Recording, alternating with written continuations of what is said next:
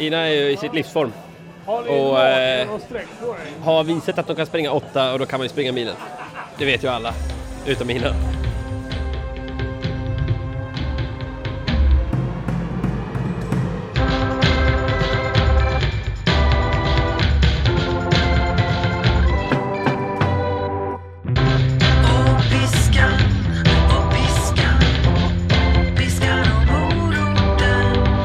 Hej och välkomna till Sveriges bästa podcast Piskan och moroten med mig Magnus Karlsson som har sprungit milen jättemånga gånger och med Ina Lundström som numera äntligen har sprungit milen en gång.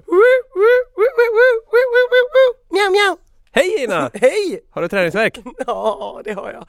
Eller jag har inte träningsvärk, jag har olika typer av ont. Jag kan inte gå ner på exakt vilka nivåer, jag har inte så bra kroppskontakt, jag är kanske fortfarande lite full efter firet. Mm, jag känner i kroppen att jag har sprungit en mil. Alright Ina, så du sprang milen. Jo. Ta oss igenom din fantastiska dag. Hur, hur kändes det på morgonen när du vaknade? Eh, inte så bra för jag hade inte sovit så mycket för jag var så nervös. Ah, Mm, låg du och tänkte innan. på Ja. stockholmare på kontoret nu igen? nej, nej, jag låg och tänkte på att jag skulle springa milen. Ja. Och jag låg och tänkte på att det faktiskt kommer vara folk där och jag låg och tänkte på hur konstigt det är att när man säger någonting flera månader innan typ Jag ska springa milen i slutet av sommaren Så känns det jättelångt bort och när man säger, säger så här Alla jag känner och alla våra lyssnare ska sitta på Red Lion och se mig springa då eh, känns det dels som att det är väldigt långt borta och man också så snabbt att glömma att jag springer ju på morgnarna för att ingen ska se mig Exakt det där tänkte jag på igår när vi satt på, på, på baren där och väntade på dig. Dels tänkte jag på, hon springer på morgnarna för att ingen ska se henne. Nu springer hon på kvällen för att alla ska se henne. Men hon springer också på morgnarna och nu ska hon springa på kvällen. Och eh, du har berättat i något avsnitt att det inte känns rätt när du inte springer på morgonen. Nej, nej men jag är bättre på morgonen Så att förutsättningarna var väl på sätt och vis perfekta för att du har tränat i tre månader. På sätt och vis var de så totalt skitdåliga för att allt annat var fel. Ja, nej men jag blir jätte, jag är jätteovan märker jag när jag Ja. ser att det är massa människor ute och sådär. Så att det var, det var många olika saker som kom, det var exakt så som du sa att jag började känna så här, Ja, det var lite så, ont i halsen. Vad händer om jag blir påkörd här? Många olika tankar. Jag hade en bild av att jag skulle komma springande för precis eh, utanför Red Lion så åker spårvagnerna och man måste korsa typ tre spårvagnsspår där och att jag skulle bli påkörd av en spårvagn på väg in i mål och det endast skulle vara min tunga som nådde Red Lions uteservering efter att ha blivit utryckt Framför ur mitt lilla ansikte. Ja, jag hade så många dåliga tankar. Ja. Eh, Men så blev det inte. Nej och sen kändes när dagen väl började så kändes allting ganska okej, ganska som vanligt, käkade vanlig lunch, åt en rejäl mjukglass, hade det gott. Ja vänta, vänta, vänta, vänta. För det här pratade vi om, eh, jag och din kollega Peter, att han var så här. Jag blev ju lite orolig här på eftermiddagen när hon plötsligt moffar i sig en stor mjukglass. Apropå det här med att äta vanlig mat och inte göra konstiga utsvävningar. Ja, det är väl jättevanligt att äta mjukglass. Kanske. Ja. Jag vet inte. Ja, men Ja. Det, det gick ju bra. Det gick jättebra, Eh, jag kände inte någon sån grej men sen så bara två timmar innan Bam! När jag skulle börja sätta mig och göra spellistan då blev jag så nervös att jag blev riktigt illamående. Mm. Eh, och från det, den stunden och fram tills dess att jag skulle springa så tog jag liksom och ställde mig på strate- strategiskt bra spyställen Kanske sådär Ja, fyra, fem ja. gånger, att jag var såhär oh! och nu kommer det! Jag var så jävla nervös och funderade lite över det där, pratade med en kompis om det också att att jag blir väldigt sällan nervös. Nej. Eller så här, jag gör ändå saker som många skulle kunna bli nervösa av. Jag gör mycket direktsänd radio till exempel. Mm. Eh, jag pratar ganska ofta på scener framför en massa människor. Mm. Eh, och sådär. Och eh, visst, jag känner mig extra alert och lite så här, mm, yeah, så här. Men det här igår, alltså den nervositeten, det är inte av denna världen och just hur stor skillnad det är när man är i sin comfort zone Mm. i brist på ett bättre svenskt ord. Komfortzon. Komfortzon, Bekvämlighetszon, tror jag man kan säga. bekvämlighetszon. Ja. Eh, och när man inte är där, Mm. eh, vilken enorm skillnad det är. Ja. Och hur lätt det är att göra obekväma saker så länge man ändå känner att det är jag. Men liksom. lossnade det då när klockan närmade sig sex som var det magiska spring? Eh, nej, men när det väl började närma sig sex blev jag ju ändå glad över att säga okej nu kan det äntligen börja. För att du, jag pratade ju på telefon några minuter innan du skulle dra igång. Mm. Då lät du rätt nervös. Ja, ja, ja, ja, jag var svinnervös, jag var jätte, jättenervös. Eh, jag promenerade för att värma upp lite, Mm. kraft gick en bra bit ut på kyrkogården och sen bara så här, okej så stod jag och väntade på att minuterna skulle gå ner och var så här, jag är kissnödig. Nej det är du inte liksom. Jag har ont i huvudet. Nej det har du inte. Typ. "Eh, den här skon sitter nog, men sluta bara, sluta. Så klockan blev sex, mitt startskott, mitt inre startskott gick. Eh, jag körde igång med eh, Creedence första låt. Oj. Eh, ja, mm, mm. Call it pretending Mm. började jag med. Och så började jag springa. Och ja, alltså de första två, tre kilometrarna så hade jag väldigt ont i benen. Mm. Eh, och så har det varit det senaste. Jag Mm. vet inte varför. Eh, jag kände av det jätte, jättemycket. Eh, ända fram till kilometer 6-7 hade jag liksom ont i fötterna och i benen. ja. Baksida ben, eh, kanske för att jag slarvat med styrkeövningarna. Jag vet inte vad det beror på. Nej, Men jag kände av det ganska mycket. Och det jag, eh, men, men det, det fanns ingenting i hela världen som skulle fått mig att inte springa i mål igår. Inte ens en bajsattack. Nej, nej, ingenting. Och jag tänkte jättemycket på det när jag sprang. Ja, Jag tänkte liksom så här, okej, om det är någon som har ett mål, Ja. någon av våra lyssnare som har ett mål, om det är att springa eh, fem kilometer kanske, eller att kanske gå fem kilometer i rask takt.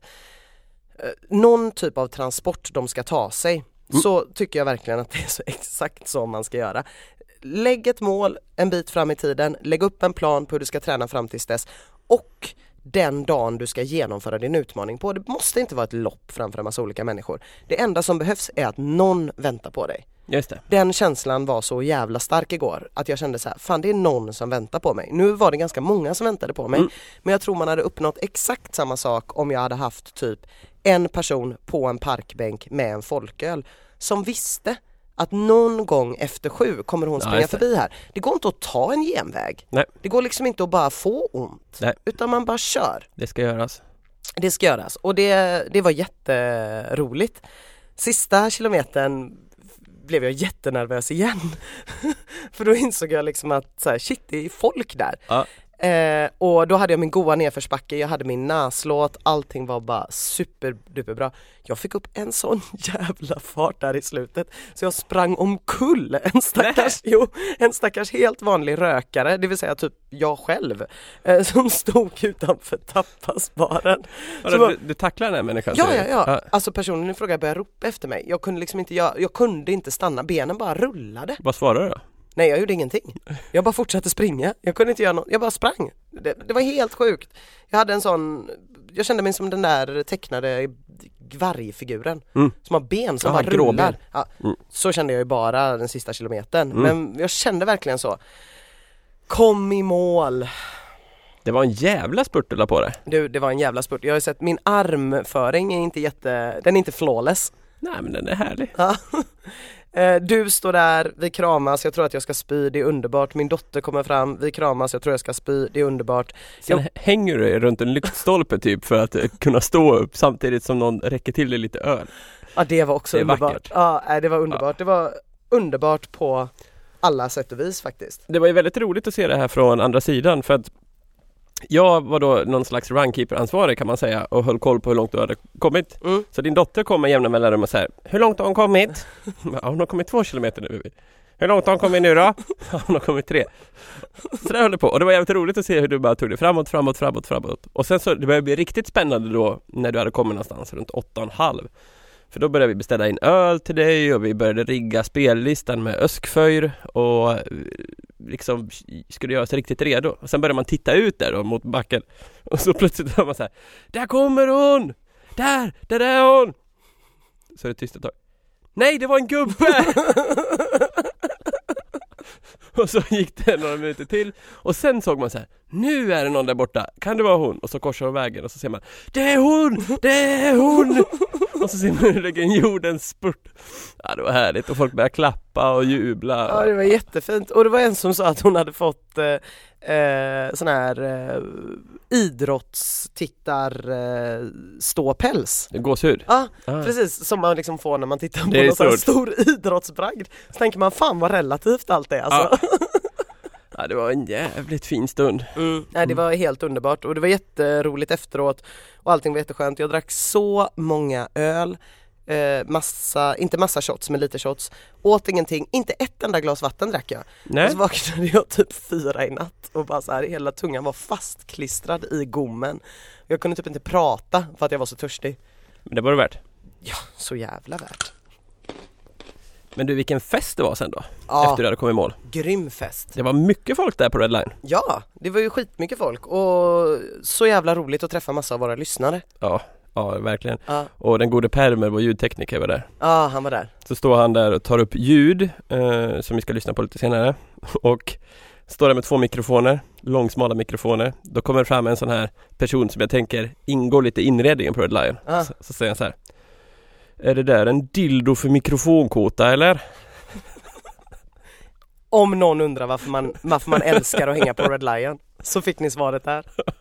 Tyckte jag var roligt. Ja det var roligt. Enkelt men roligt. Ja, Ja, eh, men eh, det här med att det kom lyssnare tyckte jag var kul. det var jätteroligt. För då fick man känna sig Men- lite som en stjärna sådär. Ja, man fick känna sig lite som en stjärna och också att jag blev starstruck av en av våra lyssnare. För att en av våra lyssnare jobbar på Astrid Lindgrens Värld, vilket Ja. är min favoritplats på hela jorden. Ah. Och eh, hon spelade i en pjäs som var förra året som jag lipade så mycket till att jag inte kunde andas efteråt. Och hon var så himla bra i den, eh, Alva på bal. Så jag var så här, det är ju du! Alva på bal? Ja, en historia ur Madicken. Aha, i Amerika. Ah. Jätte, jättefin. Vadå, du kände igen henne som skådisen? Nej i... men när hon sa att hon jobbade där så var jag så här, Ah. men det var ju du som var hon som var förra året. Så det Ah. var starstruckness fram och tillbaks, underbart. Och eh, så jävla goa lyssnare. Bara kvinnor kom, har du tänkt på det? Eh, ja, det har jag tänkt på. Ja. Det var ett helt gäng. Mm. Har ingen aning om varför, men jag har också märkt det tycker jag på Instagram och Facebook att det är mest eh, kvinnor. Ja. Eller eh, fler kvinnor än män åtminstone. ja, det är ju helt okej. Men varför är det så? Jag vet inte. Jag kan i och för sig tänka mig att det också är så här att kvinnor kanske lättare eh, gör saker som är lite, alltså typ kommer på en sån här grej. Ja. Man, jag hade ju funderat några gånger, man har varit så här, men ska man gå? Ska man verkligen vara där? Och blir inte det konstigt? Alltså det finns ju en massa sådana aspekter och där Mm. tror jag kanske som kille det blir lättare att bara strunta i det. Ja, kanske.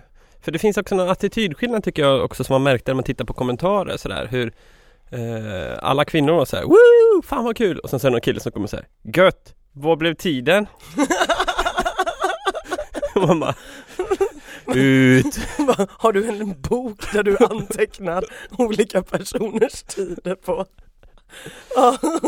Åh vad sjukt, ja, ja. Ja, ja. Någonstans där kanske svaret ligger tycker jag. någonstans där kanske svaret ligger. Vi är ju svinglada över alla våra lyssnare och Det extra varit bra sjukt om det kom typ tre chalmerister stod det med varsin ryggsäck och tidtagarur sen när du kom i mål. Ja, det är klart med den lutningen så blev ju derivaten en annan än vad den hade blivit om du hade sprungit åt nordost istället. till exempel. Så snackar de tror jag. Hur som helst, tack så jävla mycket ni som kom Ja, och eh, vad gött det var att få shotta med er. ja det var härligt. Mm. Tack! Den här veckan Ina, Ja, så har vi en sponsor. Woohoo! Miau. Den här veckan har vi med oss ett företag som heter Cliff Bar. Cliff Bar. Cliff Bar. Känner du till Cliff Bar? Bar. Cliff Barnes tänker jag på. Vem är det? Dallas. Jag har inte sett Dallas.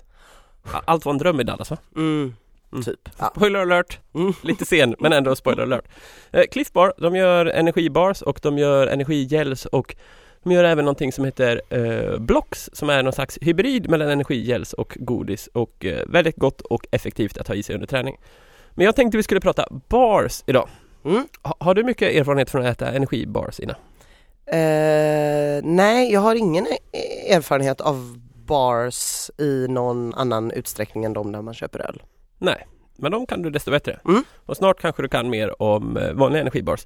För energibars, jag är ju en flitig eh, kund kan man säga. Aha. Jag har mm. ätit många bars i mina dagar. Mm. Jag äter dem efter jag har tränat och ibland äter jag dem innan jag har tränat och jag äter dem under långa lopp och i, ja, kanske inte under korta lopp men efter korta lopp. Mm. Det slukas en hel del bars i det Karlssonska residenset kan man säga. det som är intressant om energibars det är att det har liksom alltid bara varit, de har varit så jävla äckliga.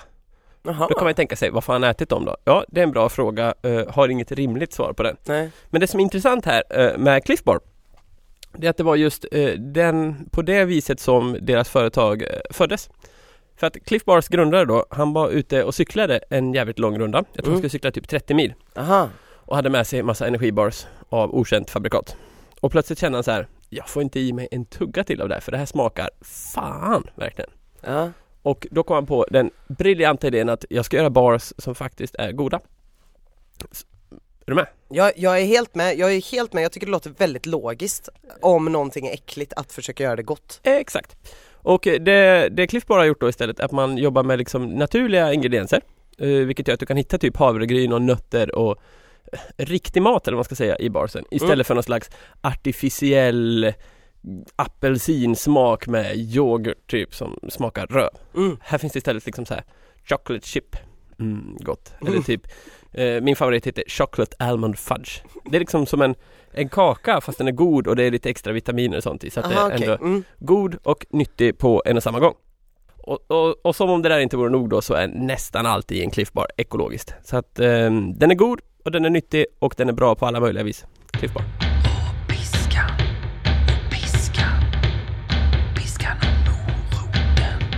Men varför äter man inte bara kakor då? Eh, därför att kakor... Nej men, Ja. Jävligt roligt. därför att kakor... Eh, men, ja, förlåt jag skrattar lite. Magnus har en mickteknik ibland som påminner nu, på, som påminner lite om um, konferencieren på SM i sabrering och ostronöppning som jag var på i helgen. Eh, va? Ja, det finns ett SM i sabrering Ja. och ostronöppning. Ja. Mm. Och det, var jag på i helgen och den konferencieren var A. Eh, mycket, mycket bredare än lång. Eh, B. Eh, jätte, jättefull. Eh, C. Från någon slags eh, typ sjunde generations ostronöppnare. Någon sån riktig krögarfamilj. Var det Peter Harrison? Nej, men det var så jävla likt Peter Harrison som det går att bli. Förutom då det, han hade noll mickteknik. Så när han intervjuade Jessica som jag var där för att heja på, eh, min dotters extra mamma som är grym på att sabrera. Ah, hon var med och tävlade? Hon var med och För tävlade. det här var ju den naturliga frågan, varför var du på SM i sabrering? Ja, för att, för att min dotter har den stora, stora turen att ha en extra mamma, eh, styvmamma vad man nu vill kalla det, som är ett jävla S på sabrera. Och när eh, Peter Harrison skulle intervjua henne så höll han mikrofonen mot henne hela tiden. Ja, Och så pratade han själv bara rätt ut i luften. och var jättefull. Det var väldigt roligt. Och därför fnissar jag lite nu. För du, du påminner lite om honom. ja. Men inte riktigt lika bred kanske? Nej, inte riktigt lika bred. Nej, Nej. nej. Men eh, hur gick det då för Jessica? Eh, bästa kvinna i Sverige på sabrering. Oj, hur, hur, vad kännetecknar bra What- sabrering när man tävlar? Bra sabrering, det ska gå snabbt, Ja, det ska vara rent och snyggt ja, och eh, man ska hälla upp lika mycket i ett, ett visst antal glas på kortast tid. Jämna fina glas, snygg sabrering, sabrerar hon med sabel? jajamän. Men hon kan sabrera med vad som helst. Ja, för jag har lärt mig att man kan göra med i princip vad som Ja, helst. ja, ja, hon kan sabrera med skor, hon kan sabrera med, alltså med en högklackad sko, hon kan Kan man sabrera göra med knytnäven? Eh, Jag ska fråga henne. Ja. Eh, jag hoppas det, vi får se på eh, nyår kanske. Ja. På nyår kanske, då kommer fisten bara... Ja, varför inte? Innan vi kom in på det med mickteknik så pratade vi om de här kakorna, men varför kör man inte bara vanliga kakor? Istället för energikakor? Ja, Mm, det är för att vi har ju pratat en del om magproblem i den här podden. ja det har vi gjort. Eh, och ehm, eh, en energikaka som är gjord för träning och aktivitet, den är gjord för att tas upp under hög ansträngning. Så alltså man, det är lättare för magen att smälta den än för en vanlig kaka. Ah okej, mm. Helt enkelt. så man kan inte, ah, okej så att det är inte det är samma sak. Ja men då fattar jag. Större risk för att man bajsar ner sig om man kör typ en, Ja, att den är mer anpassad chip. för ändamålet också. Alltså man kör i lite vitaminer, man kanske kör i lite mineraler. Alltså att den är gjord mer eh, för att fylla de behov du har när du springer. ah, ja okej, okej. Men eh, ehm, kakor är ju ett ämne som ligger mig varmt om hjärtat annars. Ja du gillar ju kakor. Ja, absolut. Och, och jag, har, jag funderar på en sak här. Mhm. För häromdagen så kom eh, Ali på mitt kontor in med massa kakor. Och då står det typ Marabou på alla kakor. Mm. Eh, och då tänker jag så här, Marabou gör ju chokladkakor. Ja. Sen går jag till chokladkakehyllan och kollar. Där är det ju kakor i all choklad. Mm. Man fyller ut mjölkchoklader med liksom Oreos och digestivkex och crackers fyller man ut dem med nu för tiden Mm. också. Är inte det här konstigt? Och så när man går till kakorna så är kakorna fyllda med typ Marabou mjölkchoklad. Mm.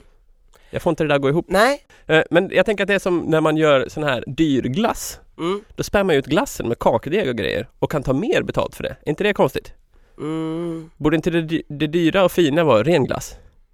Man tar en glass och så Jo. fyller man den med massa eh, rester från någon kaktillverkning och så tar man tre gånger så mycket betalt. Mm. Eh, nu har man fin choklad så fyller man den med kakdeg och tar lite mer betalt. Ja, det, det, Svara sista, på det! det sista spåret eh, hänger jag inte med på alls. Det tycker jag låter helt ologiskt. Varför det? Eh, för att bara för att man blandar saker så blir de väl inte mindre värda. Tänker att- Om du tycker det är du rasist. Och eh, vad det gäller... Stopp, stopp, stopp, stopp, stopp, stopp! Jag är inte rasist, men glass borde ju vara dyrare än deg. Ja men jag tänker ju att eh, glass, det är ju liksom, vad är det ens i glass? Det är grädde, äggula etc. Mm. Det måste ju vara dyrare och finare än en kakdeg som består av mjöl, socker, Och smör. smör. Fast det, det Choklad. finns ju inte riktig smör i en kakdeg som görs i fabrik. Gör det det? Nej, det vet jag inte. Nej. Men eh, Gör jag en logisk tankevurpa här eller? nej, jag tycker att de två sakerna inte hör ihop bara. Det ena handlar ju Jag vill om... också göra sådana här lyckade spaningar som du brukar göra. Ja men du är jätteduktig Magnus, men du får inte ha så många spaningar på en gång. Om vi börjar med den första spaningen så är, det, så är den väldigt enkel. Det är väldigt enkelt. Det handlar ju bara om att, att, att man vill ehm, ha så många hyllmeter som möjligt. Ja, Eh, om du heter och det får man om man blandar ut eh, Det får man om man eh, lanserar nyheter hela tiden. Ja, för att om jag går in på ICA eller annan valfri matbutik Ja. då är Marabou-hyllan minst fyra meter lång. Väldigt, väldigt stor. Och det finns ju en anledning och det är så alla de här konstiga smakerna uppstår. Mm. Eh, och eh, så funkar det i matindustrin, så funkar det i matvärlden. Ju fler hyllmeter du har, ju större chans att någon köper någon av dina produkter. En del utav dem kanske inte ens är tanken att någon ska köpa. Om du, om du lanserar till exempel eh, banankaviaren i Ja. mjukost som Ja. lanserades för ett tag sedan. Den kanske inte säljer så jävla bra, men den vanliga kaviaren går upp. Ah, för att det blir mer Det blir mer samma- fokus på kaviar. Det är ett väldigt bra sätt att göra reklam på. Eh, så det, Så då, det var ju- inte tanken att någon skulle äta den här mjölkchokladen med typ majsstrutar i?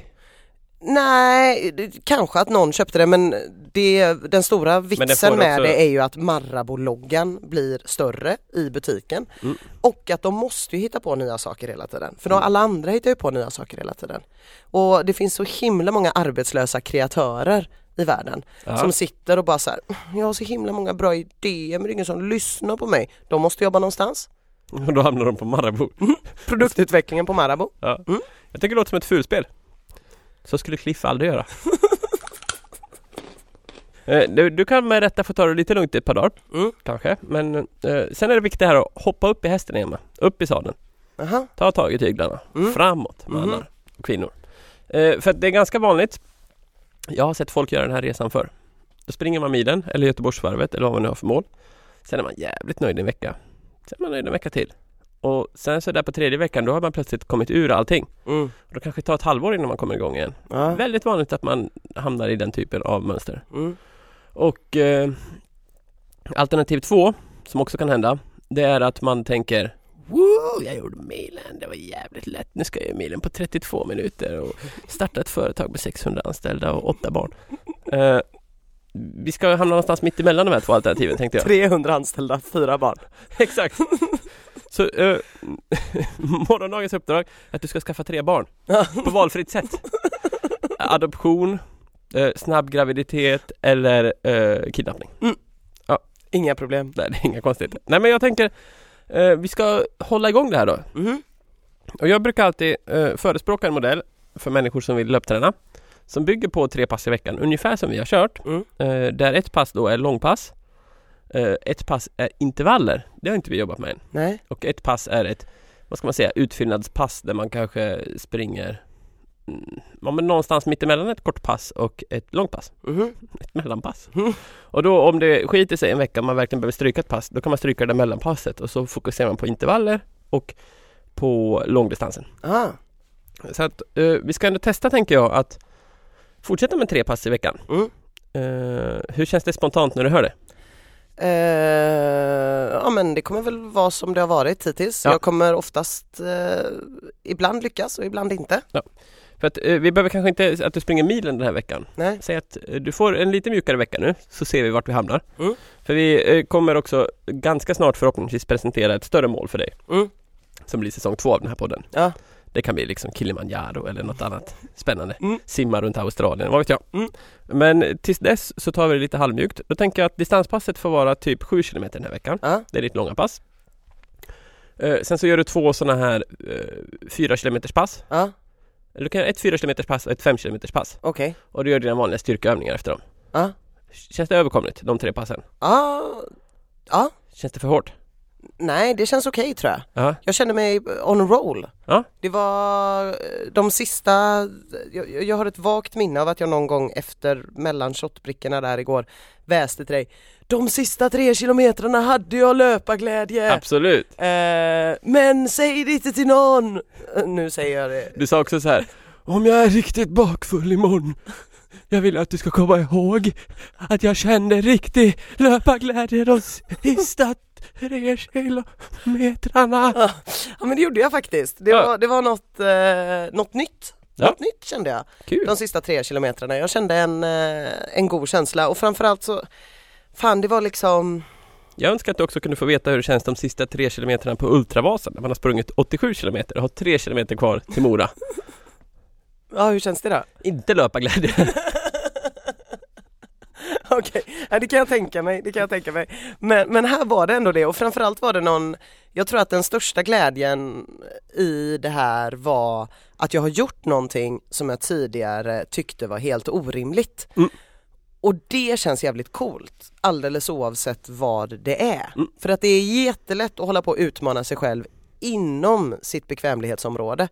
Men att gå utanför det är fan skitsvårt och jag har ändå haft hjälp av den här podden som fan och av dig som fan och måste varje vecka stå till svars och ändå håller jag på och skolkar. Så det jag känner är så här, alla som lyssnar på det här och gör någonting Mm. hade tänkt att träna fyra gånger den här veckan, ställde in alla pass utom ett. Eh, har börjat gå till jobbet en gång i veckan, två gånger i veckan. Vad vet jag, hoppade på vagnen halvvägs, tog mig inte hela vägen. Vad fan det nu än är. Människor som inte är vana vid att träna men har, gör någonting eh, som har med träning att göra. Hatten av, byxorna av, trosorna av, Oj. bhn av. Naken ska jag hylla er för det är fan så jävla modigt så jag blir tårögd. Ja, det är vackert. Ja det är helt grymt faktiskt. Det, det ligger mycket i det där. Jag tycker mm, Du har ju också visat att man kan gå från noll, vi säger att du börjar på nollen då, no offense, Mm. eh, till att springa en mil. Mm. Dröm för väldigt många. Utan att förlora liksom värdighet och personlighet på vägen. För att du har ju inte börjat äta kvarg. Nej, Du har inte börjat eh, rå marinera broccoli, tror jag. nej det har jag inte, nej. Och, och så vidare. Alltså att du lever som en vanlig människa men gör ändå den här tränings, träningsmålet klarar du ändå av. Ja men precis, det var exakt det jag, jag Exakt så är det ju Ja. och, och det satt jag och pratade med flera stycken om igår också att så här, Träningen måste ju komma ovanpå det andra. Ja. Det kan ju inte bytas ut. Det kan ju inte vara så här att man bara okej men jag måste gå hem tidigt från krogen på lördagen för jag ska träna på söndagen. Det är helt ohållbart. Det man kan göra är ju så här antingen får jag träna bakfull imorgon Mm. Eller så får jag inte träna bakfull imorgon. Mm. Men jag ska ju träna imorgon Mm. och känner jag ett enormt behov av att gå ut idag, Mm. ja då får jag vara bakfull när jag tränar imorgon. Mm. Det är helt okej. Då Exakt. kanske det blir ett lite lugnare pass. Men det blir liksom så jävla tråkigt om man ska börja stå hemma och göra rent råsaftcentrifugen och typ jag vet inte, pinteresta sina quinoafrön bara för att man ska börja motionera liksom. Nej, det blir inte bra. Jag gjorde en intervju förra veckan med en eh, mental idrottscoach. Mm. Vilket man kan ju Jag förstår att varningsklockorna ringer att det kan låta lite mumbo jumbo. Men det här var jävligt intressant för han hade mycket intressanta tankar. Han är själv nämligen eh, elittriatlet. Alltså han är Mm. en av de bästa i världen på triathlon. Och han har filosofin ändå att om han ska mm, köra ett eh, löppass och så känner han inte för det. Då skiter han i det. Ja. Lika om han springer ut och springer en kilometer och känner nej idag känns det fan inte bra. Då skiter han i det. Mm. Så han kan träna typ tre gånger i veckan ibland, vilket är mycket för många. Men för en elittriatlet kan det vara helt fruktansvärt lite. Ja. Ändå är han en av de bästa i världen. Det där Ja. tycker jag är jävligt intressant. ja, det är så För jävla han menade inspirerande att- ju. det, det kommer märkas på resultatet på hans pass om han var taggad när han gjorde det eller inte. Ja. Och är man oengagerad då blir det inte ett bra pass och då blir det inte bra. nej men det, alltså så jävla gött att höra någon som är så proffsig är det. Ja men jag, för jag tyckte det var skönt också som en reaktion på hela det här liksom no pain no gain samhället Mm. som vi har just nu. Ja, Att han visar att man kan uppskatta sin träning och njuta medan man gör den och ändå bli bra. ja. Så det behöver inte vara att man hatar sig själv medan man gör burpees. Nej, utan det kan ju bara vara att man tränar för att man vill vara schysst mot sig själv. Man tränar av samma anledning som man ibland byter lakan för att ge sig själv en liten känsla av att någon bryr sig om en och ibland är den personen eh, den allra person, bästa personen som kan göra det, man själv. Och ehm, det, Är det därför man byter lakan? är det inte det? Ja, de kan att vara, sig lite löx. nej, de läxa kan vara så att de är smutsiga bara. Jaha, men blir de smutsiga? Det är man, Man de är lätt... svettiga och äckliga. Ah, okej. Ja. Vi, vi ser lite olika på det. Varje gång jag byter lakan så känner jag att jag har varit snäll mot mig själv. Det är som när jag borstar tänderna. Vardagslyx! Nej, hur som helst, hur som helst så är det ändå faktiskt så att eh, jag tror att för en person som är helt otränad, typ jag, så Mm. finns det ingen inre drivkraft som säger nu borde jag ta mig ut. Så att till skillnad mot den här triatleten så skulle det väldigt lätt för mig då bli inga pass. Därför, därför har jag ju använt mig av det som vi har pratat om jättemycket i den här podden att ta på sig träningskläderna. Mm. För att där börjar passet. Och om jag känner så här, jag känner mig lite stel, jag känner mig lite trött, jag är inte särskilt sugen, jag tror inte jag orkar för att få upp något flås. Nej nej men vet du vad, du kan komma på det när du är ute och har på dig träningskläder och då får du kraftgå. Då får du bara göra det. Då sätter du på en god podd, kraftgår, blev ingen löpning den dagen, inga jävla problem. Men om jag ska ligga kvar i sängen och fundera på om jag är sugen eller inte, då blir det inte många barn gjorda eller så blir det jättemånga barn gjorda.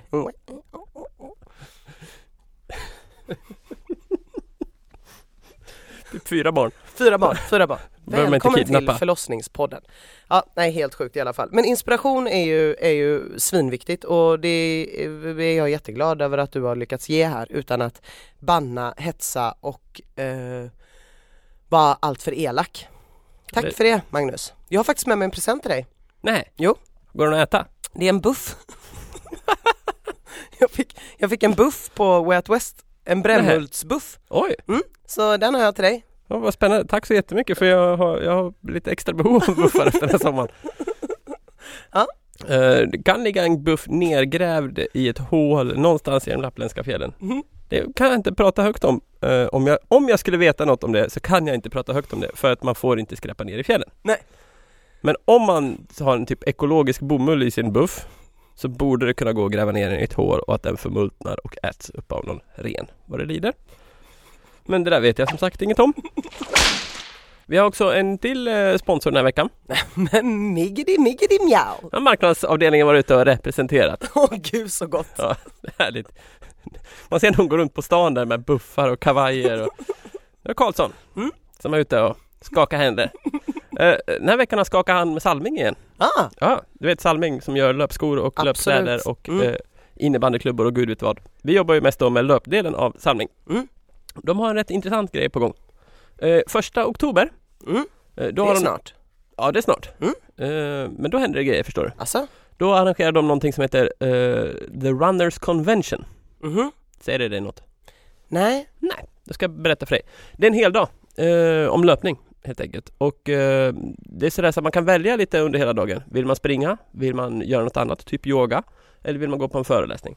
Eh, så att de eh, blandar kunskap och träning eh, med liksom workshops och eh, man får lunch. Man får en goodiebag med bland annat tidningen Spring och som grädden på det lilla moset så får man också ett par flång nya löparskor från Samling. Aha sådär ja. Så att man kan säga att man eh, betalar för ett par skor och får en hel dag med föreläsning på köpet. Mm. Eller så betalar man för en hel dag med föreläsningar, inspiration, träning och så får man ett par skor på köpet. Det här kostar 1395 eh, kronor och det utspelar sig i Sats Askim i Göteborg. Ja. Och vi pratar alltså den första oktober. Mm. Var där eller var en fyrkant. Och man kan dessutom vinna en plats till det här eventet. Och Jaha. det gör man genom att tävla på vår Instagram, Piskan och moroten. Eh, Och vi lägger ut en bild där som ni kan se exakt hur ni gör för att tävla och vinna en plats. Då så. Lycka till! Ja men det var allt för den här veckan och vi tuffar, tuffar, tuffar, tuffar på. Ni ska inte behöva bli kvitt oss någonting alls framöver utan vi fortsätter med nya utmaningar och eh, till nästa vecka ska jag springa 7 km, 5 km, 4 km, göra styrkeövningar och Nej, får jag bara flika in en sak? Ja. Ursäkta min hackisack avbrytning en gång till. Jag ska också springa ett lopp, eller sp- också springa ett lopp. Jag ska också göra en ball grej till nästa vecka. Aha, Jag ska springa tre dagars lopp. tre dagars lopp. Ja. Har du inte lärt dig någonting av fjällen? För det första ska jag springa ett lopp ikväll också som en liten bonus. Aha, Eh, Det heter Göteborgs brantaste, är ett backlopp. Man, Aha. man springer, det är bara tre kilometer långt men det är fruktansvärt brant. ja, det låter hemskt. Ja det är verkligen inte min grej. Jag vet inte fan varför jag anmälde mig till det. Men det blir ju spännande tänker jag. Det är nyttigt. Lufta låren lite. Sen så åker jag upp till eh, Hunnebostrand. Springer ett tredagarslopp som heter Icebike Experience. Ja. Sju och en halv mil ute på klipporna. Oh shit, pommes. Lite svårare att bajsa ute på klippor än i fjällen tänker jag. Svårare att gräva ner i en klippa. Ja och inte lika mycket mossa att fukta stjärtementet med. Det ska bli spännande att höra hur det har gått för dig. Ja. Eh, Jag kommer ägna mig åt en massa andra extremt eh, roliga saker. Mm, Det vore jättebra om jag kunde ta med den innan helgen. absolut, den ligger här ute, du ska få den. Eh, och jag ska inte göra någonting, jag ska springa lite, sen ska jag spela lite skivor, gå på lite fester, dricka massa öl, ha det lite gott. En vanlig vecka i ditt liv helt En enkelt. vanlig vecka i mitt liv. Och så hörs vi nästa vecka och avslutningsvis så ska ni faktiskt, ni som inte kunde komma igår till Red Lion, få lyssna lite på hur det hela gick till. Ses! Vi ses och tack Martin Permer får vi inte glömma. Tack Tack Martin. den gudomliga Martin. Och tack Cliff Bar och tack Sally. Hur tror du att eh, din mamma kommer känna sig när hon kommer hit? Svettig. Svettig. Sugen på en snus också va? Ja. Ja. Kanske en öl. Och en tröja. Ja, och en tröja. Det har vi med här. Det ser ju väldigt bra ut. Ina är ju i sitt livsform. Och, eh? Har visat att de kan springa åtta och då kan man ju springa milen. Det vet ju alla. Utom Ina. Ja, jag har ju följt Ina sedan hon startade klockan sex. Eh, och eh, nu har hon kommit snart sju kilometer här. Och det går fort. Det går fort. Det går fort. Ja, 6.30 fart. Det är bra. Det är stort. Vilket gör att hon är estimerad att komma i mål på 65 minuter. Vilket är otroligt bra. Det är bara 750 meter kvar. Och hon har ju nu sprungit längre än hon någonsin har sprungit. Så snart kommer hon här i bakgrunden. Det är någonting som rör sig där framme. kanske var någonting som svängde in på kyrkogården för att ta ett litet extra. Det var någon som gick in på den extremt dåliga Konsumbutiken som Ida hatar. Den med den dåliga fruktdisken. ja precis. Nej, det är inte hon, det är lite gubbe där. Inte hon, jag Jag var inte snäll. Hon är uppe i 9,75. Hon måste vara där borta. Ja, men det, jag ser någon springa. Jag ser någon springa. Va? Jo, men, jo, men, ja, ja, nej, nej. Där, ja, ja! Oj! Uppe i allén där. Stå inte så här nära. Ja, det gör jag.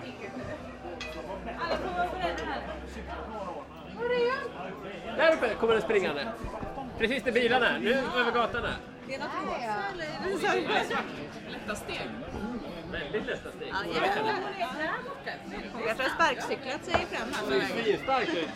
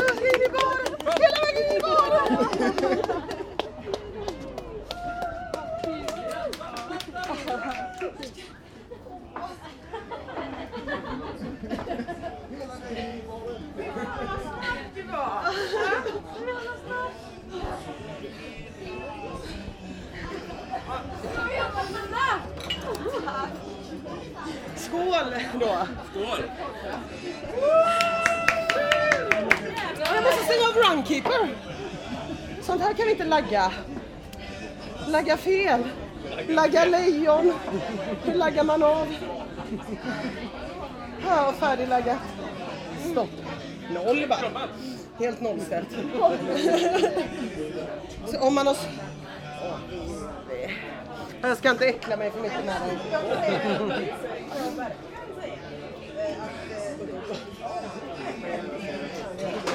Nej, jag ska inte. Ett litet båt. Ett längst distans. Längst distans. Minst värdighet. Medtagen nu. Är det inte det? Vi tar ett varv det? En medalj. Det är stort. Har du hört vilken fin låt vi har hittat här? Det är underbart. Jag är imponerad. Det är hon som sitter där som säger att jag kulturellt approprierar den här låten för att jag inte är från Norrland. Hon den sura med det lilla ansiktet där borta.